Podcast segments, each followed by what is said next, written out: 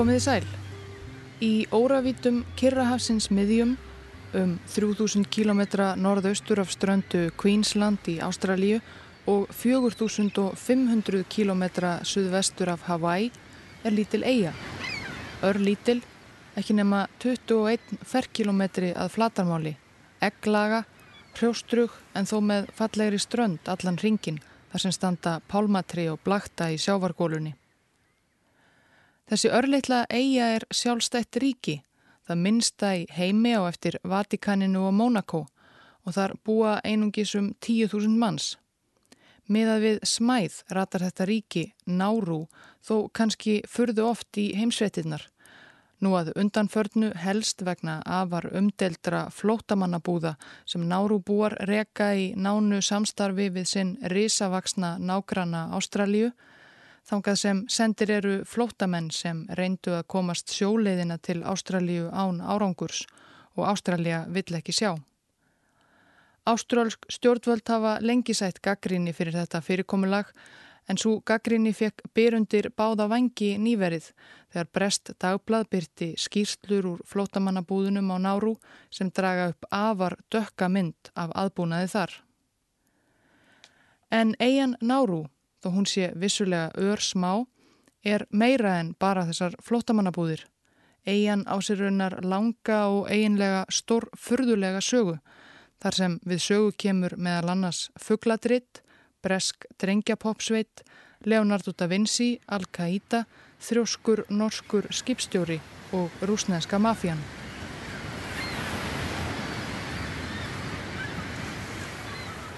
Áttundi november 1798. Ennst kvalveðiskip Hunter á leið frá Nýjasjálandi allarleið til Kalkuta hafi verið á siglingu í 80 daga og var komið lengst út á Rúmsjó mið Kirrahafs. Um hálf eitt eftir hádegi komu skipsverjar á höndir auga á land um 30 km í norð-norð-vestur sem hverki var að finna á kortum þeirra. Skipstjórin á höndir, John Nokkur Fern, tók stefnuna á landið sem reyndist vera lítil eiga. Við nánari aðtugun er eiga þessi að mestu hrjóstrug fyrir utan svæði rétt aftan við fallega strandlinguna. Þar er belti af stórum kókospálmum sem vaksa meðfram ströndinni. Innan um trén sá ég mikinn fjölda húsa, rúmgóð og regluleg og bára þess merki að eigendur þeirra byggju ekki ítla. Um tilt af kanóum, meðal stórum, koma mót okkur. Á siglingu okkar í kringum eiguna mættu við ekki færri en 30 slíkum kanóum með um 300 manns innan bors og einnig sáum við margt fólk á ströndinni og því má gera sér í hugalund hversu fjölmenn þessi einmannalega eiga er, miða við hún er ekki meira en fjórar til fimm mílur í nokkra átt. Einmannaleg var hún kannski þessi örleitla eiga þarna lengst úti í Ballarhafi en enska kvalveðiskipstjóranum John Fern leist þó alls ekki ítla á sig. Þvert á móti ákvað hann að nefna eiguna Pleasant Island eða Indælis eigu. Innfættir eru ekki einn stórir og nýsjálendingar og dekkri og hörund. Yfirbræð þeirra er ekki jafn stórbrotið og fáur eru skeggjaðir. Hárið er svart og úvið en ekki ullarkent, líkt nýsjálendingum, en þeir eru alls ekkert húðflúraðir. Þeir gangaða naktir fyrir utan eins konar mittisólu grasi sem rétt varveitir velsæmið þeirra. Ég sá engin vopn í bátun þeirra. Þeir höfðu sér mjög kurtisislega og byggðu okkur að leggjast við akkir við eiguna þeirra og til að hvetja okkur til þess sínduður okkur ávexti sem líktust mannshöfði í stærð og lögun, fagur grænaða lit og eina kokosnetu. Aðeins eina reytuður líka fram. John Fern og félagar hans á kvalveðiskipinu Hunter voru fyrstu Evrópumennir til að berja náru augum og merkja hana inn á evrósk siglingakort en auðvitað hófst saga eigarinnar ekki þarna. Pólinésiu og Mikronésiu menn eru taldir hafa fyrst sest að á eiginni fyrir um 3000 árum eða svo. Um svipa leiti og þeir vösku sæfarar komi sér fyrir á fleiri eigum þarna í nágrenninu. Með tímanum var til sér nárúsk tunga og menning. Eigaskeggjar stunduðu fiskveiðar sem á eldi á mjölkurfiskum í ferskvatslónum á eigunni, borðuðu kokosnettur og ávöxt pandanustriasins. Það er þessi fagurgræni á stærðið mannshöfuð sem eigaskeggjar síndu ennsku kvalveðmönnunum. En heimsókn englendingana átti eftir að hafa talsverðar breytingar í förmið sér fyrir nárubúa. Nú var eiguna að finna á siglingakortum og þar fóru skip að hafa viðkomu, kval og kaupskip sem áðu þar á langri leiðsinni yfir Kirrahafið og fylgtu á vassbyrðir. Og evrósku sæfararnir tóku ekki bara, þeir skildu líka ímislegt eftir sig. Uppfinningar sem voru nárubúum framandi eins og tóbak, skotvopn og áfengi.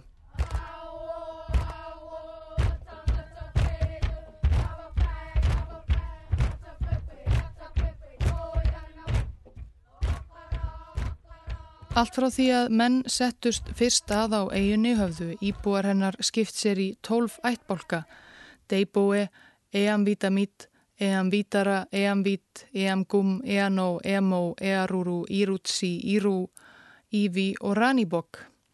Í hverjum ættbólki voru höfðingjar en yfir allir einni ríkti svo yfirleitt einn konungur. Af og til kom til deilna á milli ættbálka en þar leistust yfirleitt fljótt eða runnu út í sandin án þess að mikil átök litust af. En þessar evrósku nýjungar sem nárúbúar gerðust fljótt mjög hrifnir af, skotvopn og áfengi, geta myndaðansi hættulega blöndu. Um 1878 voru íbúar á nárú líklega um 1500 talsins. Í fjölmennri brúðkaupsveislu var mikið drukkið og mikil gleði. Einn brúðkaupsgesta var með skambisuna sína með sér og af drukkinni ógátt skautan ungan höfðingja annars ættborgs til bana. Bræður höfðingjans unga voru líka vopnaðir bissum og hemdu dauða hans snarlega. Á skömmum tíma leistist brúðkaupsveislan upp í blóðbað þar sem hver ölvaður og vopnaður gesturinn skaut annan og ólíkt því sem týðkaðist hafði á eigunni fyrir tíma skotvopnana var enginn sem stilti til friðar eða kvatti til stillingar og ofbeldið varð bara meira og meira. Átökinn breytust út um alla eiguna og í alla tólf ættbolkana. Svona gekk þetta dögum, vikum, mánuðum og loks árum saman. Þann 21. september 1881, þremur árum eftir brúðköpsveisluna Örlaðaríku, átti flokkur breskra herskipa leið fram hjá Nárú. Breskur strókufangi eða nafni William Harris sem hafi búið á Nárú um árabil og aðlagast samfélagi innfættra vel, reri á Kano til mótsviði landa sína og fórum borði flagskip þeirra. Nokkru síðar sendi flagskipið merki til fyldarskipa sinna um frásögn Harrisar af ástandinu á eigunni. Borgarastyrjöld á einni, strókufangi hefur útnefnt sér konung Allir druknir stöðugt, enga ávexti eða græmmeti að fá, ekkert nema svín og kókosnettur. Breski sjóherrin ákvaðað blanda sér ekki í þessa furðulegu styrjöld. Skipin höfði sig á brottið fyrsta og William Harris sneri aftur heim í vargöldina. Seks árum síðar, 1887, sildi breska skonortan Böster til Nárú til að kaupa þurkaða kókosnetukjarnar eina fáum afurðum sem náru búar hafðu þá að bjóða til sölu. Skipstjórin Fredrik Moss fór í land á meðan verið var að ferma. Hann veitti því aðtikli að hver einasti maður á eigunni gekkum vopnaður skotvopni. Styrjöldin stóð greinilega enn nýju árum eftir slísaskotið í brúðköpunu. Aðspurðir sögðust eigaskeggjar vera orðnir langþreyttir á þessu stöðuga stríði en enginn þyrði að vera fyrstur til að leggja niður vopn. Best væri ef einhver geti komið og afvopnað á alla samtímis. Ári síðar, þegar eigaskeggjar höfðu borist á banaspjóti í áratug, var þeim loksað ósksinni. Nýlendu tímin var gengin í gard og stórveldi Evrópu voru í óða önnað næla sér í nýlendur viðsvegarum heiminn.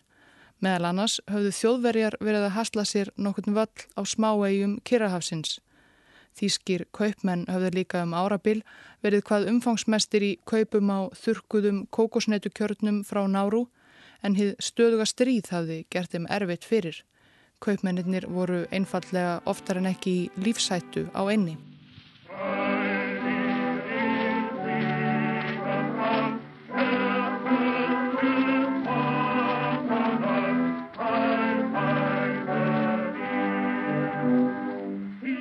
Þann 1. oktober 1888 lagðist þýst herskip, Eber að nafni, við akkeri úti fyrir ströndu Nárú og 36 vopnaðir þýskir sjóliðar stígu á land.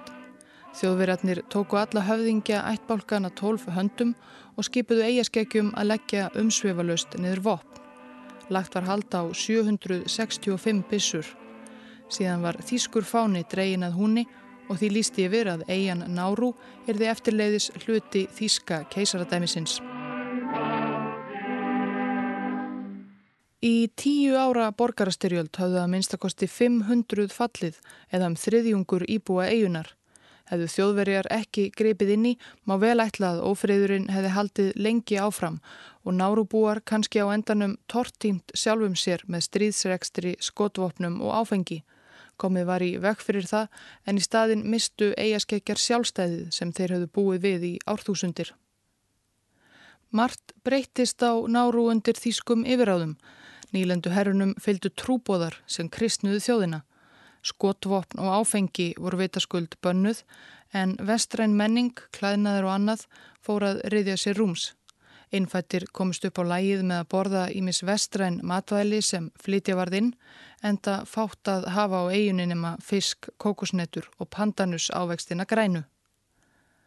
Hins vegar grættu þjóðverjar aldrei sérlega mikið á yfiráðum sínum á náru Þurkaðir kokosnetu kjarnar reyndust ekki svo gullnáma sem þeir hafðu vonast til en annars konar gull var sannarlega að finna á náru.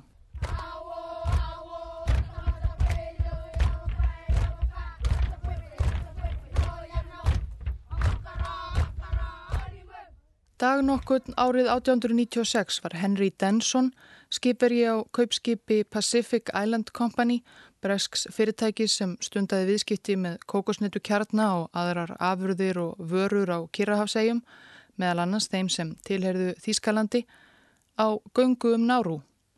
Hann rakst á undarlegan stein og stærði við væna kokosnetu sem hann helt kannski að væri steingert tríja.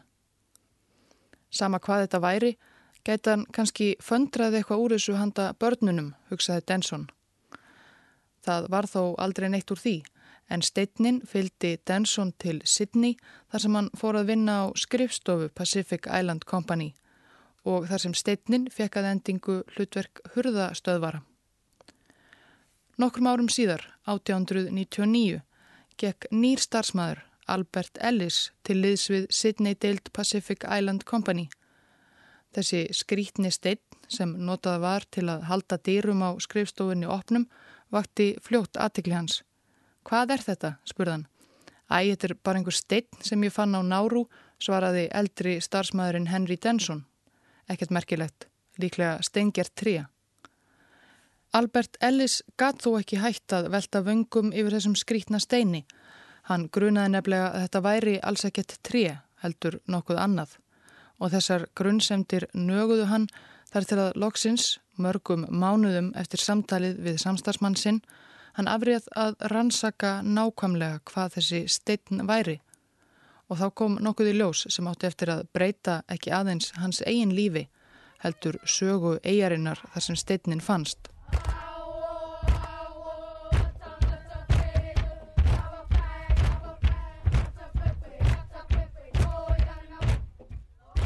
Ágæti hlustandi, hér skulum við bregða okkur aftur í tíman. Ekki svo langt, bara nokkur miljón ár. Þá myndaðist smátt og smátt kóralrif á toppi neðansjávar eldfjalls lengst úti í Kirrahafi. Sá hluti kóralrifsin sem gægðist upp úr sjónum var fljótt vinsell áningarstaður sjófugla á langri ferðherra yfir óravítir hafsins. Meðal þess sem fuglandir gerðu á meðan dvöl þeirra á kóralrifinu stóð var að hæja sér og með árunum, ára tugunum, öldunum og árþúsundunum hlóðst fugladritið upp á rifinu varð smámsamannað einskonar steini og myndaði eiguna sem nú er köllu Nárú. Dritt sjófugla og þar með eiginlega allt umhverfi á Nárú er ríkt af fosfötum sem eru afburða góð til nótkunnar í áburð. Sér í lagi var fosfat eftirsótt í Ástralíu þar sem jarðvegurinn er frekar fosfat snöyður af náttúrunar hendi. Það sem Albert Ellis uppgötaði árið 1899 þegar hann rannsakaði nárúska steinin sem hafi verið notaður sem hurðastoppari á skrifstofu Pacific Island Company í Sydney var að hann var ótrúlega ríkur af fosfati. Hinga til hafði yngan grunað að fosfat geti verið að finna á þessari ómerkilegu litlu eigu en nú fengu Ellis og yfirbóðar hans hjá Pacific Island Company stjórnur í augun.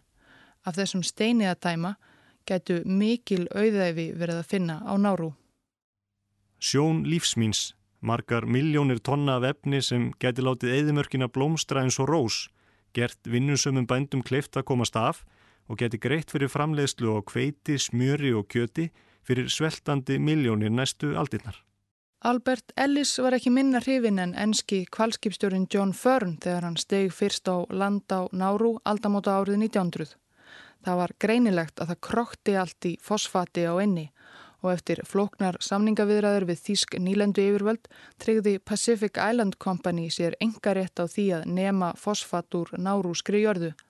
Fyrirtækið hætti svo gott sem öllum öðrum viðskipta umsöfum sínum á öðrum Kirrahafsegjum og skipti um nafn var bara Pacific Phosphate Company. Fyrstu ár 20. aldar voru 2000 tonna af fosfati unnar úr jörðu á náru og fluttar burt aðalega til Ástralju.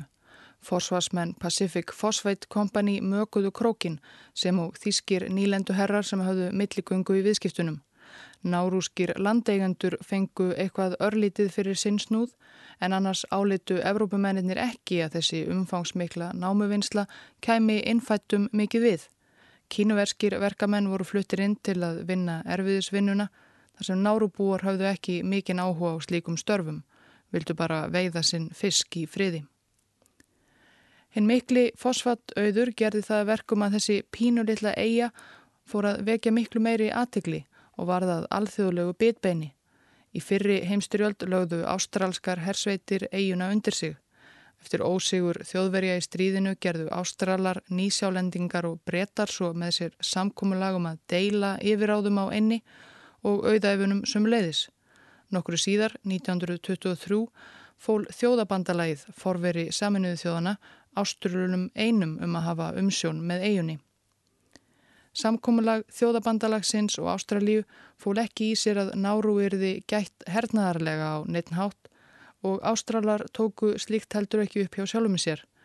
En það hvaða varnir þyrti svo sem þetta afskekta sker lengst út í Kirrahafi. The Pacific Islands Campaign. A Japanese bomber goes down in flames. En ekki einu sinni afskjagt Kirrahafsker voru undanskilin setni heimstyrjöldinni. Þrjú þýsk herskip skutu á eiguna snemma í desember 1940 með það að markmiði að eiðileggja fosfatnámið og skemma þannig fyrir ástrálskum landbúnaði. Ári síðar, 9. desember 1941, bara tveimur dögum eftir árás Japana á Pearl Harbor, gerðu japanskar herflúvelar fyrstu sprengju árásinnar á Náru. Eian var komin á vald í Japana nokkrum vikum síðar eftir að Ástralar hörfuðu þaðan. Japanar fóru ítla með nárubúa. Allir sem vettlingi gáttu valdið voru skikkaðir í þrælkunarvinnu við að reysa flugvöll og ímis hernaðarmannvirki. Þeir sem gerðust uppvísir um minnstu brot gegn herstjórninni áttu yfir höfði sér að verða teknir af lífi, oftar en ekki hálshagnir á almanna færi. Berkla sjúkum eigaskekkjum þeir voru 39 talsins, var smalað saman í bát sem var dregin í togi út á haf og honum sögt með manni og mús. Smám saman fylltist eigan af japanskum hermönum, svo mörgum að japanirnir á eiginni voru fljótt ornir fleiri en innfættir sem voru um 1800 talsins á þessum tíma. Nárubúar hafðu alltaf verið sjálfum sér nógir en svo marga íbúar réð eigan ekki við. Japanar reytu sig því á að það kæmu skip reglulega með vistir en þegar leið á 1943 urðu þær skipakomur stópulli vegna þess hver hart bandaríski herin sótti þá gegn þeim japanska á Kirrahafi.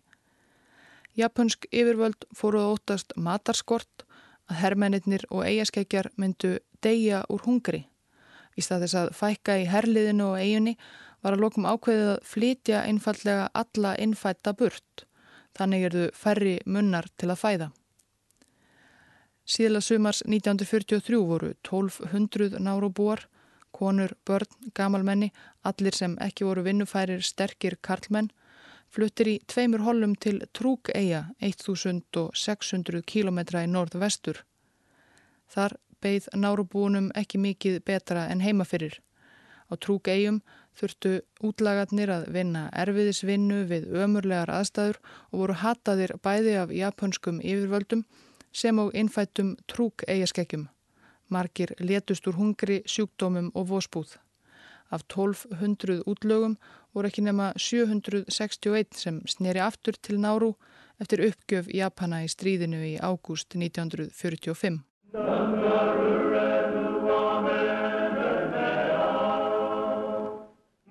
Eftir lok heimstyrjaldarinnar síðari tóku saminuði þjóðunar aftur að sér að ákvarða örlög Náru og aftur var það Ástralja sem fekk yfiráð á eigunni og ástrálsk fyrirtæki gáttu haldið áfram þar sem frá var horfið við að nema fosfat úr nárúskri jörðu og græða á tá og fingri. Nema hvað nárúbúar sættu sig ekki við þetta endalust. Þeir fóru að krefjast við saminuði þjóðunar og við ástrálsk stjórnvöld þess að fá að sjá meiri hagnað af eigin auðefum og meira að segja um eigin örlög. Baráttan bar að endingu árangur. Eigin fekk sjálfstjórn 1966 og tveimur árum síðar, þann 31. janúar 1968, varð Náru sjálfstætt ríki, það þriðja minnsta í heimi á eftir Vatikaninu og Mónakó.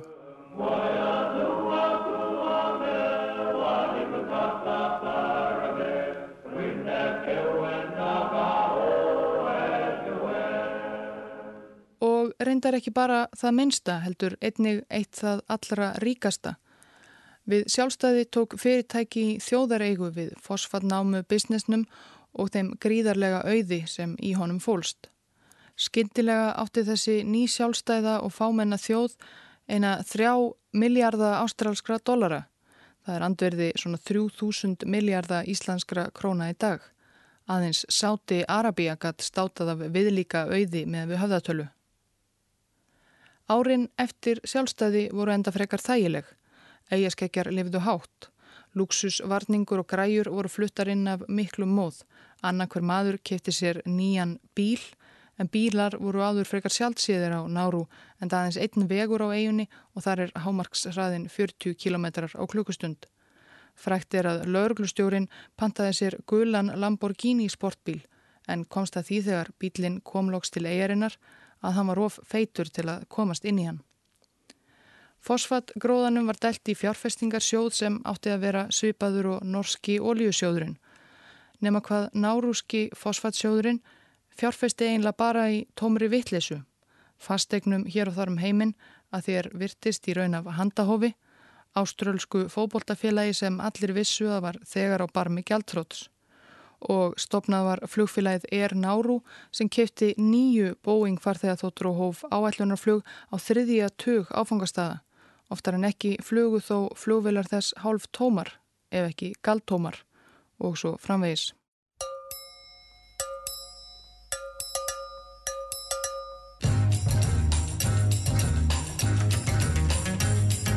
You to me are sweet as roses in the morning Ennska drengjasveitin Unit 4 plus 2 komst í efstasæti breska vinsaldalistans fyrstu vikuna í april 1965 og velti þá sjálfum Rolling Stones úr toppsætinu. Þetta var eina lag Unit 4 plus 2 sem náði einhverjum vinsaldum. Rótari sveitarinnar, Liverpool búið að nafni Duke Minks, gafst enda fljótt upp á hljómsveitabransanum og sneri sér að allt öðru. Hann gerðist bankamaður og var í byrjun tíunda áratögarins orðin ráðgjafi hjá ástrálskri grein hins alþjóðlega Citibank þar sem einn af hans helstu skjólstæðingum var sjálf ríkistjórn Náru. Dag nokkur árið 1992 leituðu nárúskir ráþerrar einu sinni sem oftar til Duke Minks um ráðgjöf. Hvar ættu þeir nú að fjárfesta og ávaksta auðsinn því fosfatið myndi ju ekki vara að eilífu. Það var raunar orði ljóst þarna að það yrði líklega upp urið innan nokkura ára. En Duke Minks var með svarið á reyðum höndum. Svo vildi til að góður vinur hans, jú einmitt hann Tommy Muller, aðal söngvari Unit 4 plus 2 í gamla daga. Hann Tommy, hann var að leggja loka hönd á söngleik sem setja átti upp á Vestend í Lundunum. Sjálfum Vestend Og þetta var ekki bara hvaða söngleikur sem er heldur glæn nýtt og spennandi stykki um sjóðheitar ástir Leonardo da Vinci og fyrirsætu hans, Mónu Lísu. Leonardo the Musical, A Portrait of Love eða söngleikurinn Leonardo, Portrait af ástinni. Tónskáldið Tommy Muller fór á fund Forsetta Náru og tók fyrir hann nokkur lög úr söngleiknum. Hoping she will disappear Only makes me want her near But when I need her most She's never there to set me free Fyrir þessari snild fjall fórsetin Killi Flatur og var ekki lengi að reyða fram selaveskið. Nárúska ríkið fjárfæsti að endingu heilum tveimur miljónum sterlingspunta í uppsetninguna á Leonardo. Þegar kom að því að frumsýna þetta stórvirki flugu hundrað nárúskir stjórnmálumenn og mektarmenni til Lunduna til að vera við síninguna. Af öllum frásögnum að dæma skemmti fórseti Nárú, fórseta frú hans og hinn fyrirmennin sér konunglega en sama var ekki að segja um gaggrínendur og aðra áhorfendur. Sýningin var risastort flopp sem enn er í minnum haft sem einna verstu söngleikjum í sögu vestend. Sýningum var enda hætt eftir aðeins fimm vikur og nárúska þjóðin tapaði allri sinni miljóna fjárfestingu.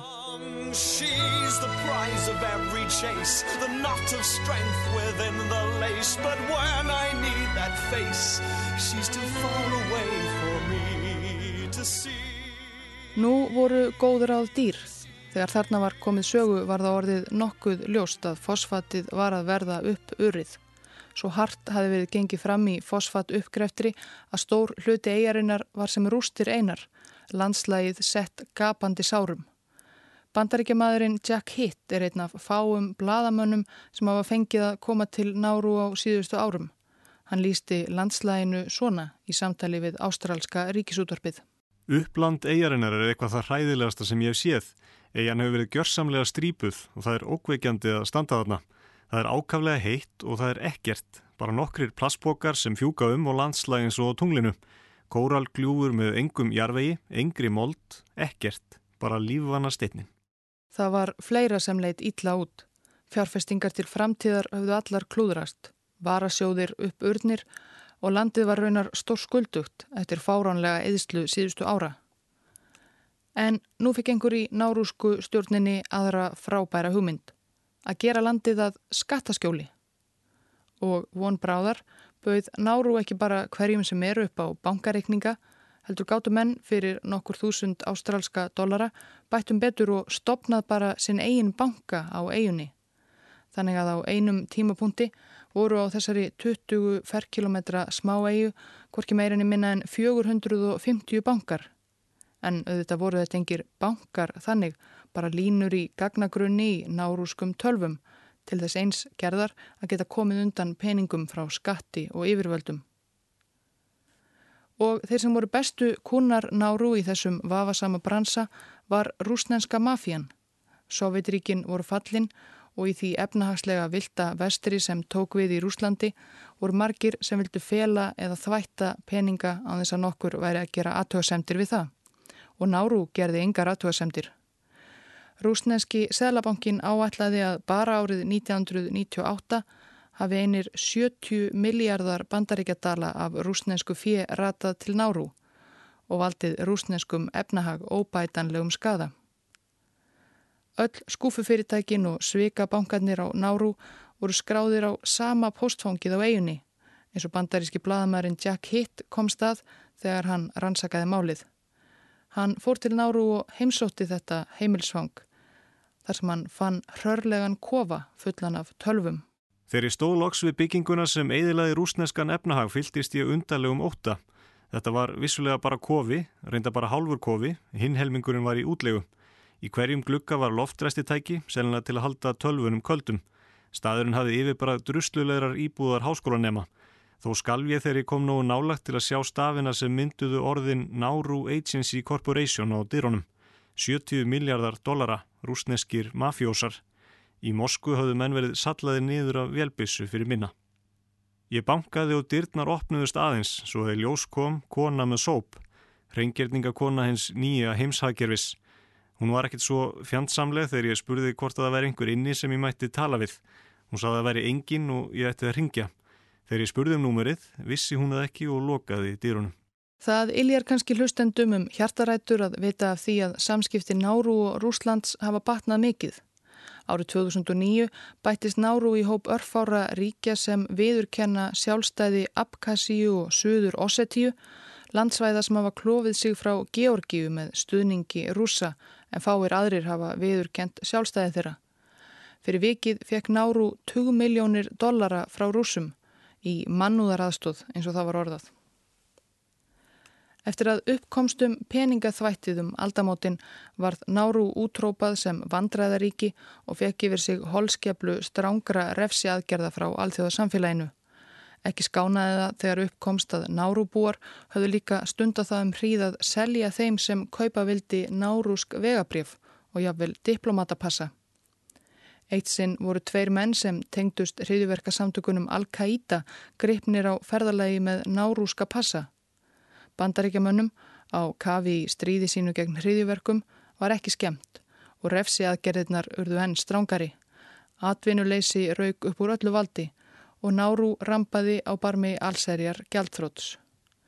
En hjálpin var handan við hornið. Drama at sea as asylum seekers head for Australia. On board the Tampa, sailors are increasingly concerned as governments refuse to take the boat people. Síðdeis þann 27. ágúst 2001 bað Norst flutningaskip Tampa um leifi til þess að sigla inn í ástrálska landhelgi.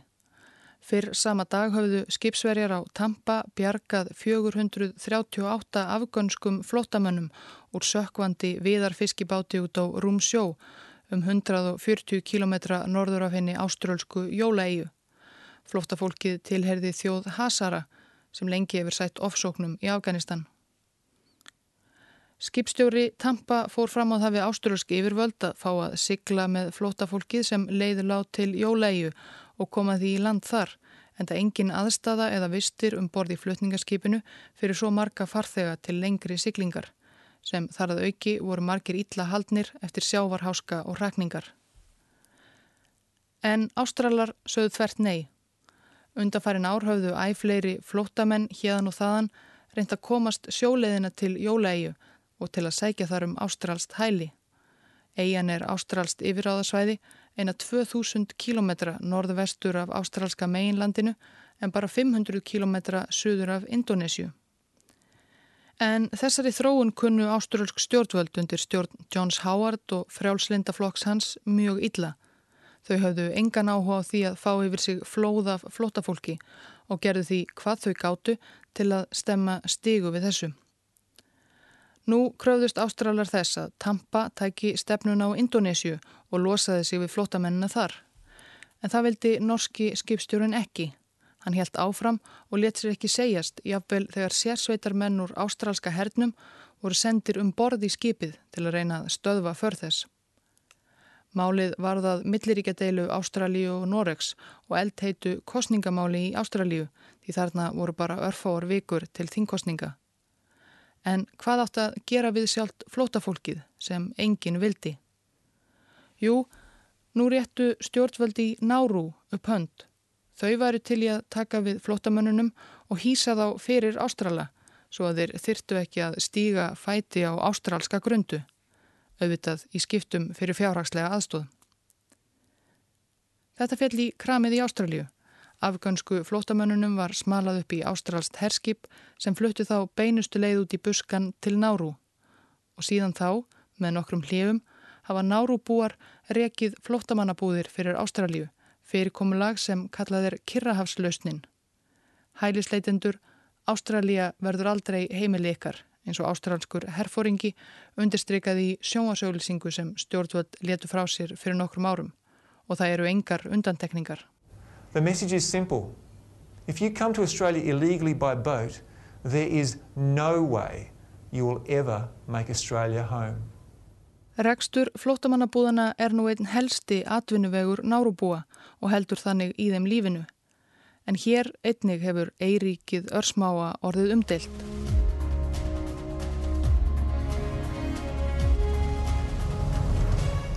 Skelvilegar aðstæður hælisleindið í flóttamannabúðum á eiginni Nárú hafa verið fordæmdar víða um heim. Mikil leint hefur ættið kvílt yfir flóttamannabúðunum á Nárú. Ásaganir hafa ítrekkað verið settar fram um að þar búi hælisleitendur við ömurlegan aðbúnað, séu beittir hardræði og ofbeldi. En eftir að Kirrahafs-lausnin svo nefnda var til, hefur verið nær ómögulegt fyrir blada og frettamenn að fá leifi til að ferðast til eigarinnar og hvað þá fulltrúa mannreitindasamtaka. Í ágúst í ár byrtið preska Guardian umfangsmikið magn atveika skýrsla starfsfólk í flótamannabúðunum sem lekið var til blaðsins. Skýrslunar frá því mæ 2013 til oktober 2015 bera búðunum afar slæma söguna.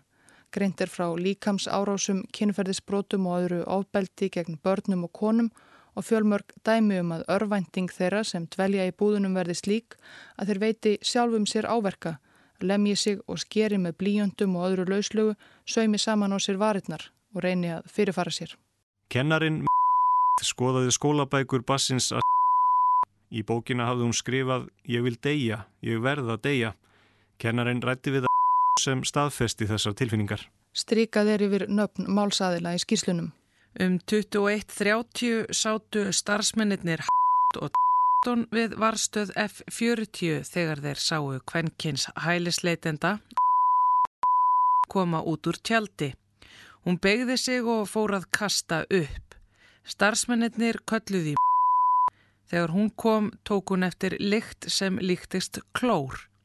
Leitað var eftir einhverju sem hún hefði geta tekið inn og valdið uppkostunum. Leitin bar ekki árangur. Sjúkraliðar komu klukkan 21.37 og settu í sjúkrabíl. Um 22.10 kom bróðir með fimm tóma pakka af sóttreinsunartöflum fyrir smábarnapela. Hann hafði fundið á í tjaldi sýstur sinnar.